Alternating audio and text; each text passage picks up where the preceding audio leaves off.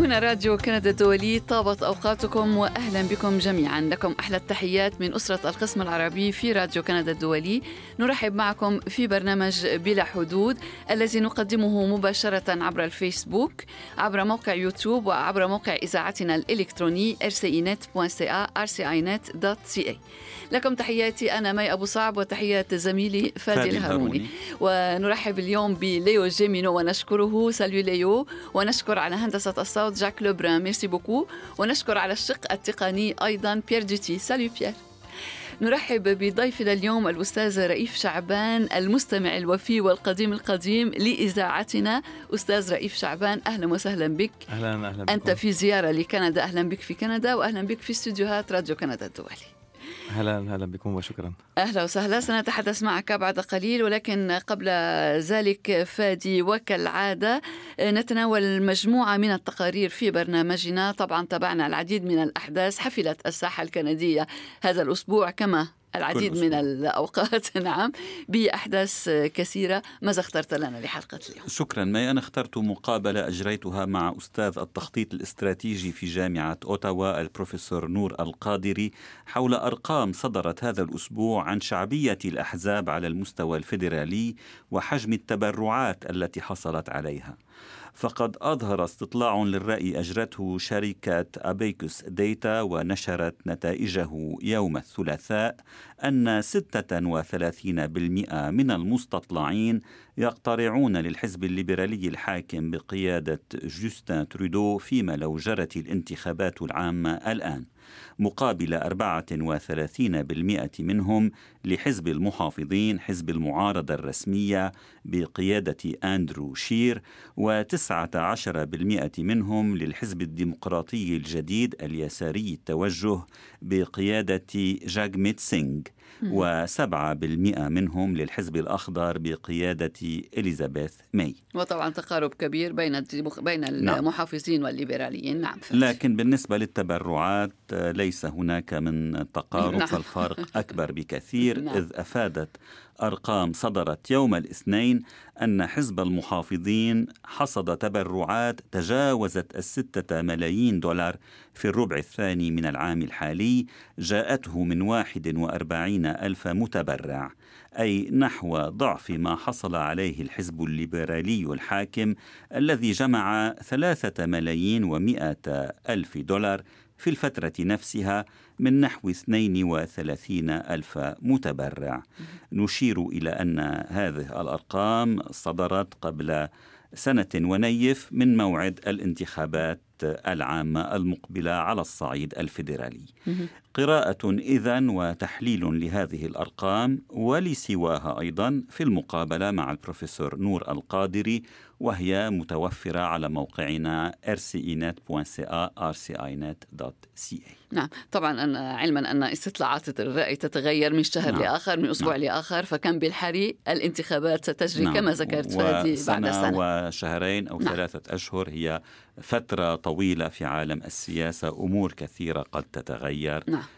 قد يحل النزاع التجاري بين كندا والولايات المتحدة صحيح. وقد ينعكس الأمر بشكل إيجابي على الحكومة الحالية. الليبرالية. نعم على أي حال نحن نتابع باستمرار وسنتابع كل الاستطلاعات. وكما ذكرت فادي هذه المقابلة هذا التقرير متوفر على موقعنا rcinet.ca بروفيسور نور القادري تحياتي.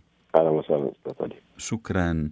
بروفيسور القادري أنت تدرس التخطيط الاستراتيجي في جامعة أوتاوا وأشير من باب الشفافية إلى أنك ترأس الاتحاد العربي الكندي وهو منظمة غير حكومية.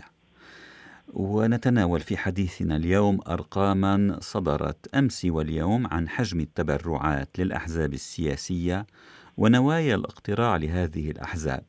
وذلك قبل سنة ونيف من موعد الانتخابات التشريعية العامة في كندا.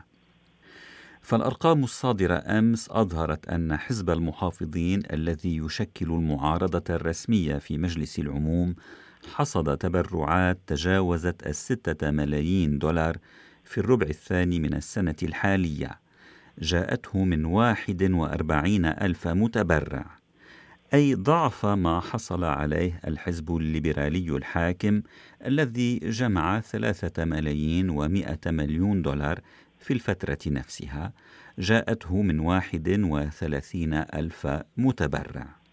ومنذ مطلع العام الحالي جمع المحافظون تبرعات بقيمة 12 مليون دولار مقابل 6 ملايين دولار فاصل أربعة للليبراليين. واليوم صدرت نتائج استطلاع للرأي أجرته شركة أباكوس ديتا أظهرت أنه لو جرت انتخابات يوم غد لاقترع 36% من المستطلعين للليبراليين بقيادة جوستين ترودو مقابل 34% للمحافظين بقيادة أندرو شير و19% للحزب الديمقراطي الجديد اليساري التوجه بقيادة جاجميت سينغ بروفيسور نور القادري كيف يمكن ترجمة هذه الأرقام؟ هذه الأرقام توحي إلى أن هناك استياء لدى المواطنين من الحكومة الحالية. وهذا ما تترجم على مدة ستة أرباع من السنوات وهي لمدة سنة ونصف. أصبح حزب المحافظين الرقم الصعب بالنسبة للتبرعات المالية من المواطنين الكنديين. كان الموضوع دائما أن أحزاب الوسط لليمين واليمين مثل الحزب الليبرالي والحزب المحافظين يجنون ارباحا أكثر من التبرعات عبر الوصول إلى المتمولين الكبار. هذا الفارق أصبح بزيادة عالية بالنسبة لحزب المحافظين فهم يحصلون على عدد أكبر من المتبرعين وقيمة أكبر في نسبة التبرعات. ولكن في نوايا الاقتراع لم يزل الحزب الليبرالي الحاكم في الطليعة. وهذا بالرغم من مرور نحو نحو ثلاث سنوات على وجوده في السلطة. هنالك عدة أمور، اولا أن حكومة جوستين ترودو كانت قد امضت شهر عسل طويل ولمده أكثر من باقي الحكومات في التأييد الشعبي بلغ أكثر من سنة ونصف. حدود في المئة. هذا التأييد تراجع شيئا فشيئا. والآن نحن نتكلم على 34% مقابل 36% وهذا يقع ضمن الهامش. نعم هامش الخطر. نعم. بالنسبة. فمن الممكن أن يشكل المحافظون حكومة إذا ما بقيت هذه الأرقام كاملة. بالأخص أن هذه الأرقام هي على المستوى العام في البلد. نعم. ولكن إذا ما نظرنا إلى المقاطعات. حسب المقاطعات وحسب الدوائر الانتخابية الصغرى فنحن ننتخب نوابا لدائرة. نعم. استطلاعات الرأي العامة قد تعطي شيئا ملموسا على المستوى العام ولكن هل تترجم بالنسبة لذلك إلى أماكن أو إلى مراكز نيابية في الانتخابات هذا شيء آخر فيجب علينا أن نطلع على استطلاعات الرأي في كل دائرة حتى نحصي نعم. الأعداد نعم. ولكن الجدير بالذكر أن حزب المحافظين بدأ يحصد بعض التأييد في محافظات كان الليبراليون قد قطعوا فيها أشواطا كبيرة في الانتخابات الماضية. مثلا في في مقاطعة كيبك الحزب المحافظ يرتفع تأييده. نعم. ومما قد يؤدي إلى رفع عدد نوابه في هذه المحافظة. و نعم. ولم يزل الليبراليون في الطليعة في مقاطعة كيبك وفي المقاطعات الأطلسية أيضا. وفي بريتش كولومبيا حسب استطلاع آخر. الليبراليين في الطليعة في معظم ولكن الحزب الليبرالي عنده مشكلة أنه حزب في الوسط. عفوا. هو حزب في الوسط. نعم. هو الحزب الوحيد الذي ينزف على اليمين وعلى اليسار. مه. فإذا تقدم حزب الديمقراطيين الجدد عن اليسار مه. فهو ينزف. وإذا تقدم المحافظون فيما عن اليمين فهو قد يخسر. ولكن الليبراليون بقيادة ترودو رأينا أنه في الانتخابات الأخيرة تجاوزوا الحزب الديمقراطي الجديد اليساري تجاوزوه عن يساره. تجاوزوه عن يساره في وعود انتخابية. يعني لم يقدروا على الإيفاء بها. وهذه هذه مشكلة قد تواجه الحزب الليبرالي في الانتخابات القادمه يعني فيما يتعلق بالتقديمات للأسر والأطفال والأسر التي لديها أطفال وفوا. أمور كثيرة على المستوى اليسار مثل أمور البيئة نعم. ودعم أنبوب النفط. بوردن وانابيب انابيب النفط. نعم. فهذا هذا قد يؤثر على الحزب الليبرالي في بريتش كولومبيا وما قد يخسر آه أماكن لمصلحة حزب الديمقراطيين الجدد وحزب الخضر نعم. من جهة في هنالك أمور أخرى قد كانت تعلقت بموضوع تغيير قانون الانتخاب نعم. صحيح وهذا نعم. لم يفي الحزب الليبرالي بوعوده في هذا المجال نعم. بالإضافة إلى إلى عدة أمور مثل الموازنة والدين العام وما إلى ذلك هذه الأمور قد يخسر من خلالها إلى لحزب المحافظين. هنالك بعض السياسات التي لم يفوا بها سيخسر من خلالها لمصلحة حزب المحافظين وبعض السياسات الأخرى سيخسر من خلالها لمصلحة حزب الديمقراطيين الجدد. وبما أن النظام الانتخابي هو نظام أكثري في نعم. في في كندا وليس نسبي ف... أي أن من يحصل على العدد الأكبر من أصوات الناخبين في دائرة ما يفوز بمقعد هذه الدائرة بغض النظر عما إذا كان يتجاوز النصف أم لا. مئة في المئة وبما أن كندا هي دولة كبيرة ثاني أكبر دولة في العالم وهنالك أناس يقتلون في المدن وأناس يقتلون في الريف وهنالك أناس في السواحل وناس في في الداخل. سياسات الحكومة لن يكون هنالك سياسة تدعم الجميع. بالطبع هذه الأمور قد تؤثر على على الحكومة ايا كانت. ليبرالية أو محافظة أو أو من الديمقراطيين الجدد. عندما تكون في كرسي الحكومة تكون في كرسي تجلد عن جميع الأماكن.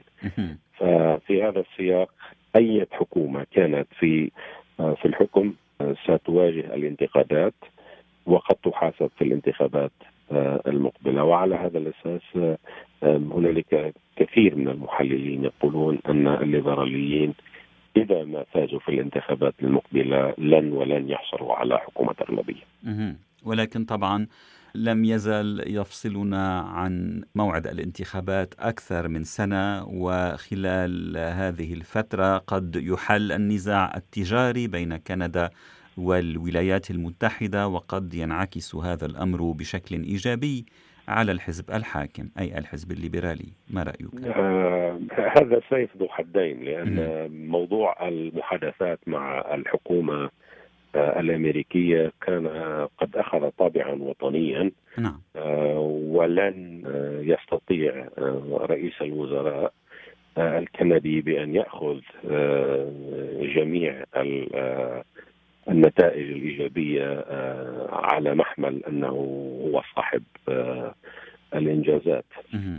في خضم المحادثات هنالك أمور معقدة كثيرا ويجب الإشارة هنا هنا إلى أن هنالك مجموعة من المحافظين ومجموعة من الديمقراطيين الجدد يجلسون على نفس طاولة المفاوضات مع الحكومة الأمريكية. نعم. هنالك رئيسه حكومة الظل في حزب المحافظين السابق السابقة نعم. زعيمة الحزب ووزير الصناعة السابق جيمس مور وهم كمان من المحافظين.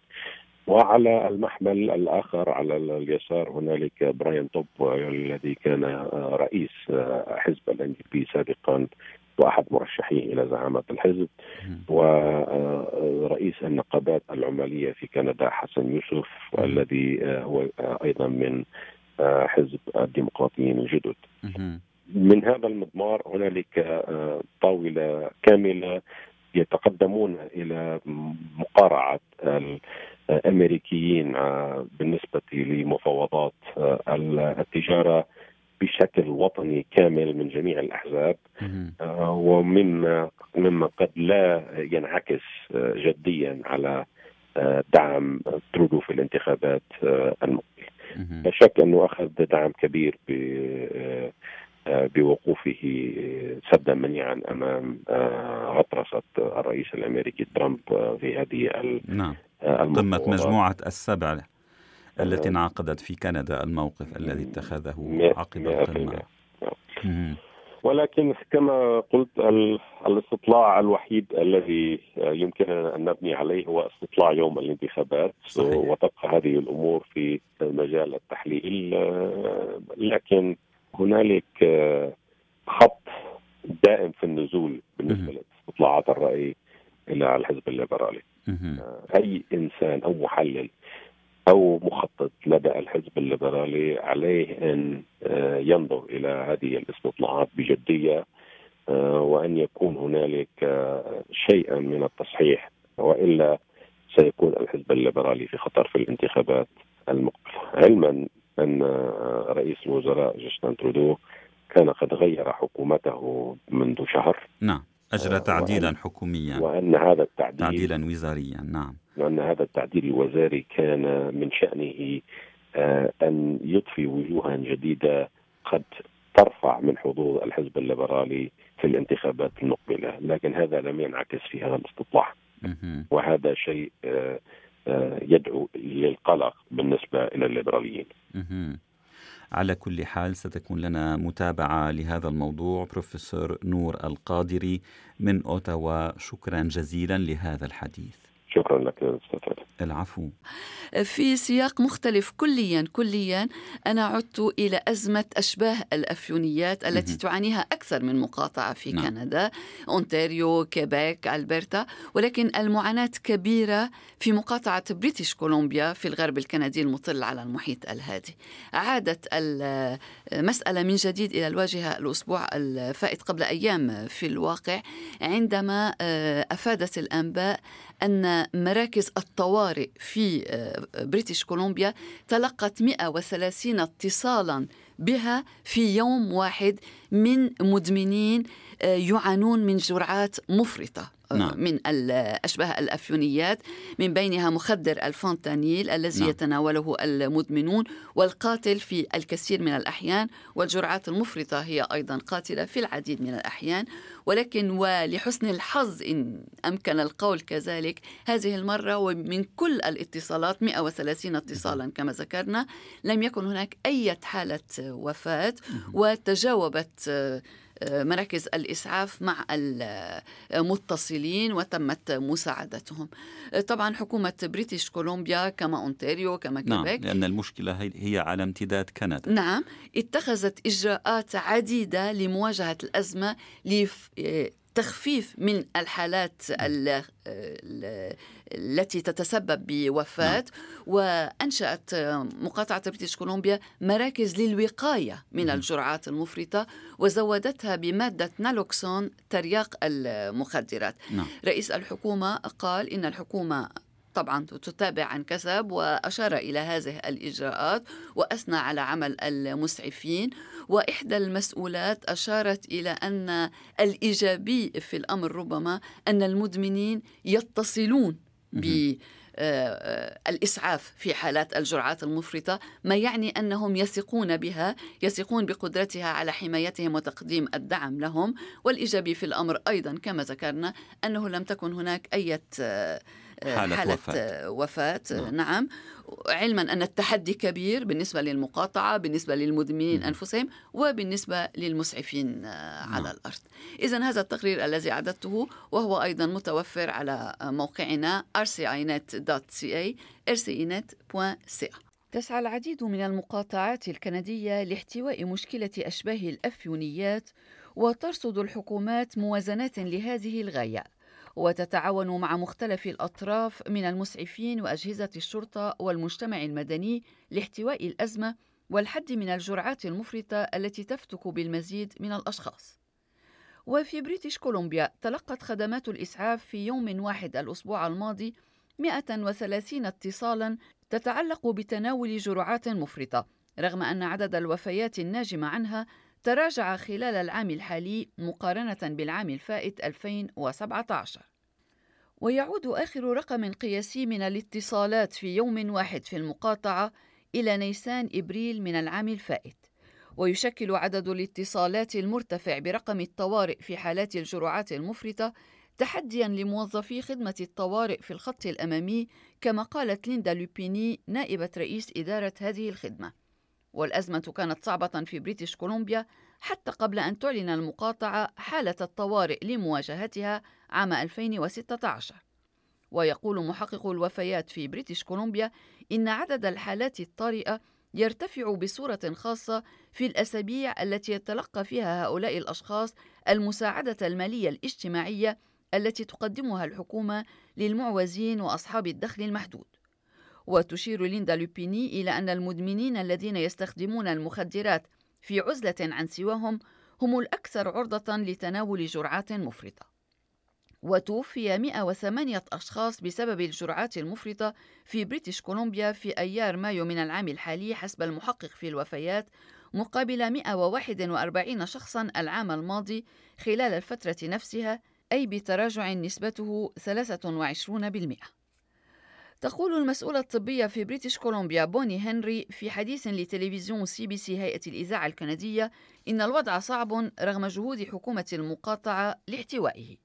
وما حدث يوم الجمعة الفائت شكل ذروة في عدد حالات الطوارئ بسبب الجرعات المفرطة كما قالت وأضافت بالقول This was not just located in one area, it was around the province and we were getting um, information from our overdose prevention sites and other places that there, there was particularly toxic batch, batch of drugs on the market, on the street, in a number of different areas in the province. So that connected with um, some of the other factors made it a particularly dangerous day. لم يكن ما جرى محصورا في منطقة واحدة بل في مختلف أنحاء المقاطعة.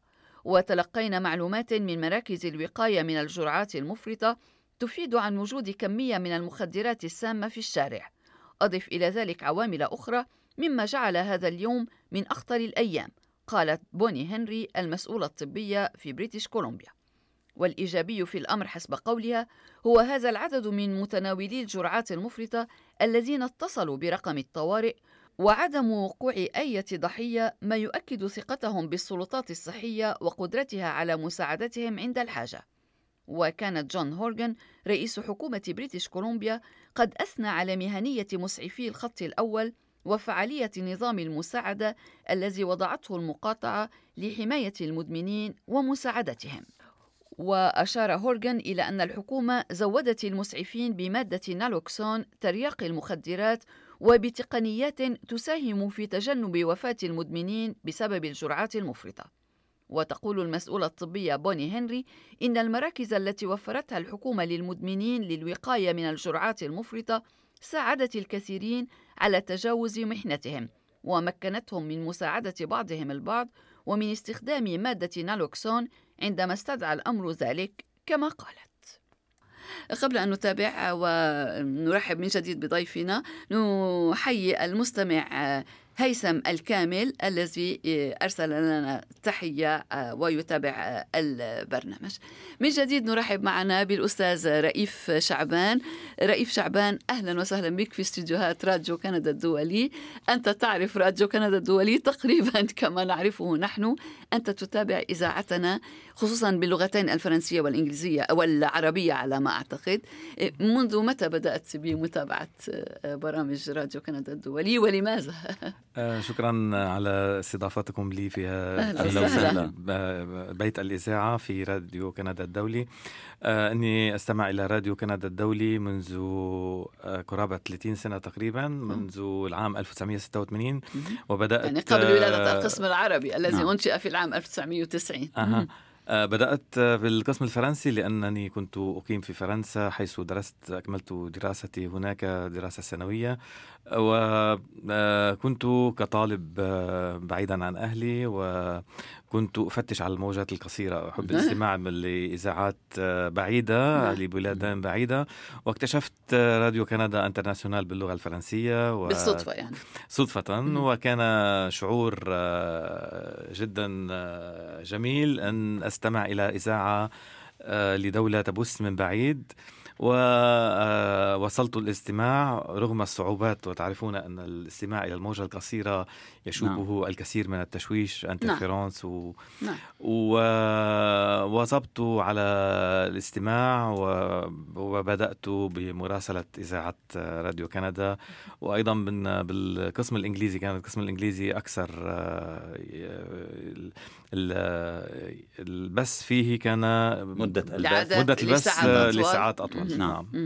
طيب بدأت الاستماع للقسم الفرنسي والقسم الإنجليزي. بعد ذلك جاء القسم العربي. أيضا بدأت بالاستماع على الموجات القصيرة طبعا إلينا. بدأت بالاستماع بالموجات بال... على الموجة القصيرة مع القسم العربي. وعند عودتي إلى بيروت آه آه، تابعت كنت أتابع القسم العربي لأن الموجة القصيرة تعرفون أن آه، تكون موجهة إلى دول معينة آه، لم أستطع استماع لها في وجودي في فرنسا. في فرنسا نعم.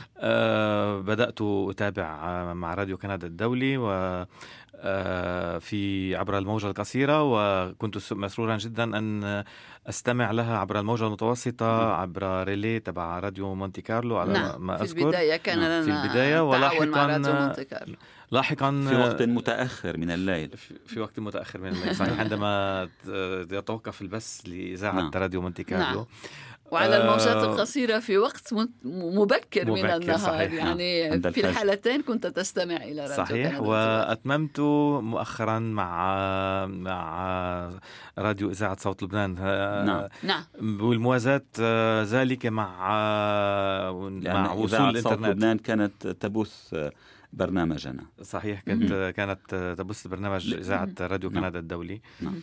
طيب هل لحين أنت... توقف البث الهوائي يعني نعم بالفعل.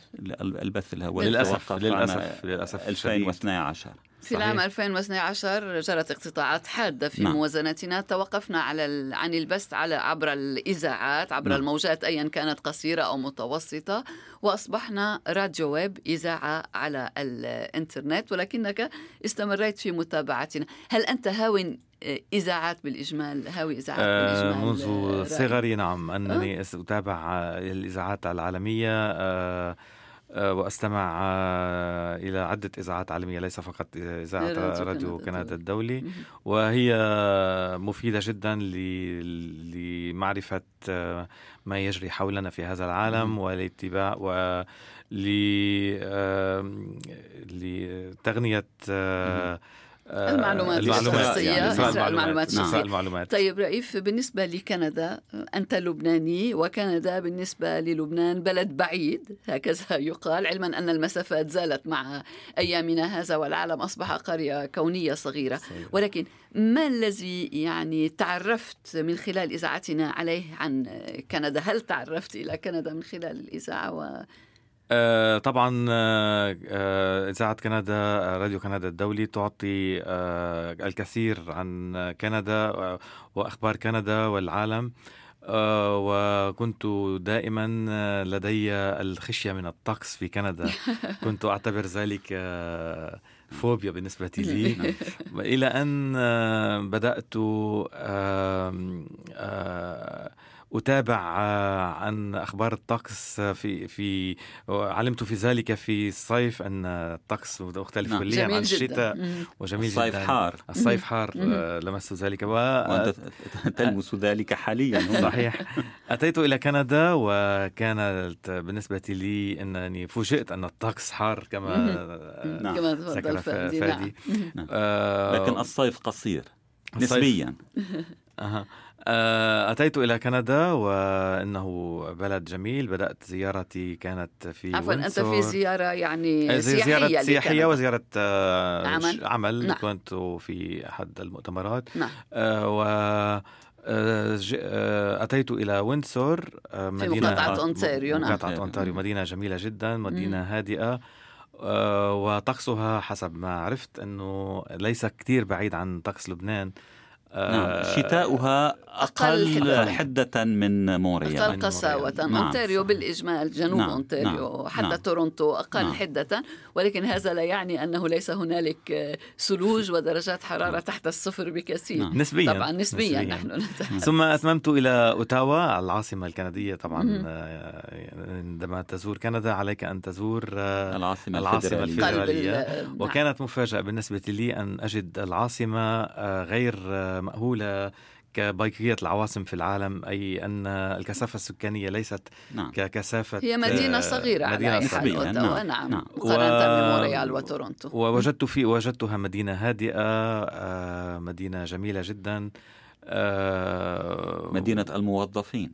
أيوة صحيح وهناك لم أجد من ثم أتيت إلى مونريال حيث الاختلاف آه، بالنسبة لأوتاوا آه، بالنشاطات والحياة الليلية والسهر نعم. مختلفة كليا أجدت وجدتها في مونريال.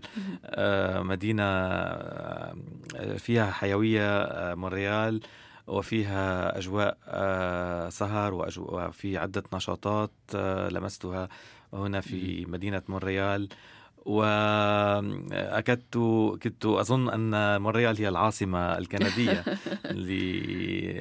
لوجود الكثير من نعم. الأنشطة. وهي, يعني وهي ليست عاصمة مقاطعة كيبيك حتى هي لا. كبرى مدن كبرى مدن كيبيك, كيبيك. عاصمة آه. كيبيك هي مدينة كيبيك. لا أعرف إن كنت ستزورها ولكن هي مدينة صغيرة أيضا وحلوة نعم. جدا. بالنسبة لمونريال يعني هي أصغر من مونريال حجما وعدد السكان. للأسف الشديد لم ازور لن ازور في هذه الزيارة كيبيك لكن إن شاء الله لأنني أحببت كندا ستكون عدة زيارات لكندا وسأزور كيبك لاحقا إن شاء الله وفانكوفر. طيب ماذا عن هواية الاستماع للإذاعات على الموجات القصيرة؟ هل لم تزل تستمع إلى إذاعات؟ ونحن في زمن الإنترنت والتواصل يعني السريع آه، بشكل عام أظن مع التطور التكنولوجي آه، يصبح الاستماع إلى الإذاعات العالمية أقل مما قبل نعم. لأن توافر الكثير من نعم. المواقع نعم. التي آه، تفيد بمعلومات و وأخبار وأنشطة وليس مع التطور الحاصل في الاتصالات نعم. آه، يصبح الاستماع إلى الإذاعات العالمية آه، أقل نعم. آه، مما قبل لأنه فيما قبل لم يكن هناك تطبيقات هاتفية نعم. تطبيقات جوال أو نعم. أو شبكة إنترنت, إنترنت. أو غيرها لم وكانت الوسيلة الوحيدة هي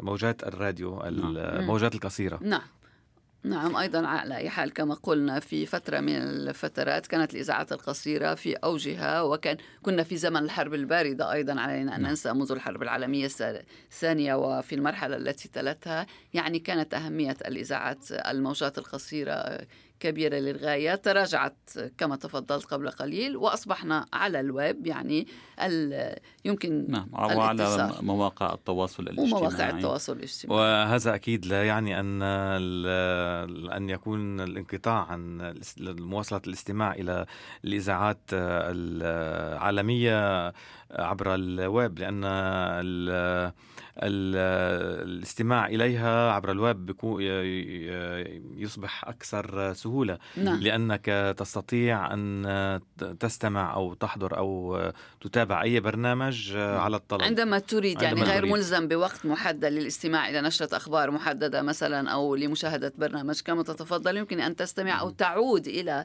أشياء تم تقديمها سابقا وإلى آخره. يعني هذه هي مستمرة. أه، أحببت كندا كما تفضلت وقلت إنك ستعود إلى كندا. هل هنالك أي احتمال من أن تأتي إلى هنا مثلا في عز فصل الشتاء؟ آه. هذا الشيء الذي يراودني كثيرا آه، فعلا. تجربة ربما قد تكون. وهذا الذي أفكر به وسألت الناس هنا وبعض الأصدقاء نعم. عن كندا كيف تكون في الشتاء نعم. وكان الهاجس الكبير عندي أن أن الوصول إلى كندا في الشتاء يعني الموت بالنسبة لي أنه شيء شيء لم نمت الحمد لله هل تعلم أن وكان الاستغراب بأجوبتي لذلك سألت وقيل لي أن كندا عندما تلبس الثياب المخصصة في نعم. فصل نعم. الشتاء وإذا خرجت إلى الشارع آه، رح تشوب رح تشعر بالحر. آه، يكون يكون ذلك بشكل طبيعي. بالعكس ما كنت أتصور أن كندا أن عندما لا تستطيع الخروج إلى إلى الشارع ولا تستطيع الحياة تستمر. وتكون محبوسا في البيت وغير ذلك لا وهنا في مونريال مدينة تحت الأرض يعني. نعم. آه كل ذلك آه الأفكار التي كانت تراودني زالت كليا وإن شاء الله س...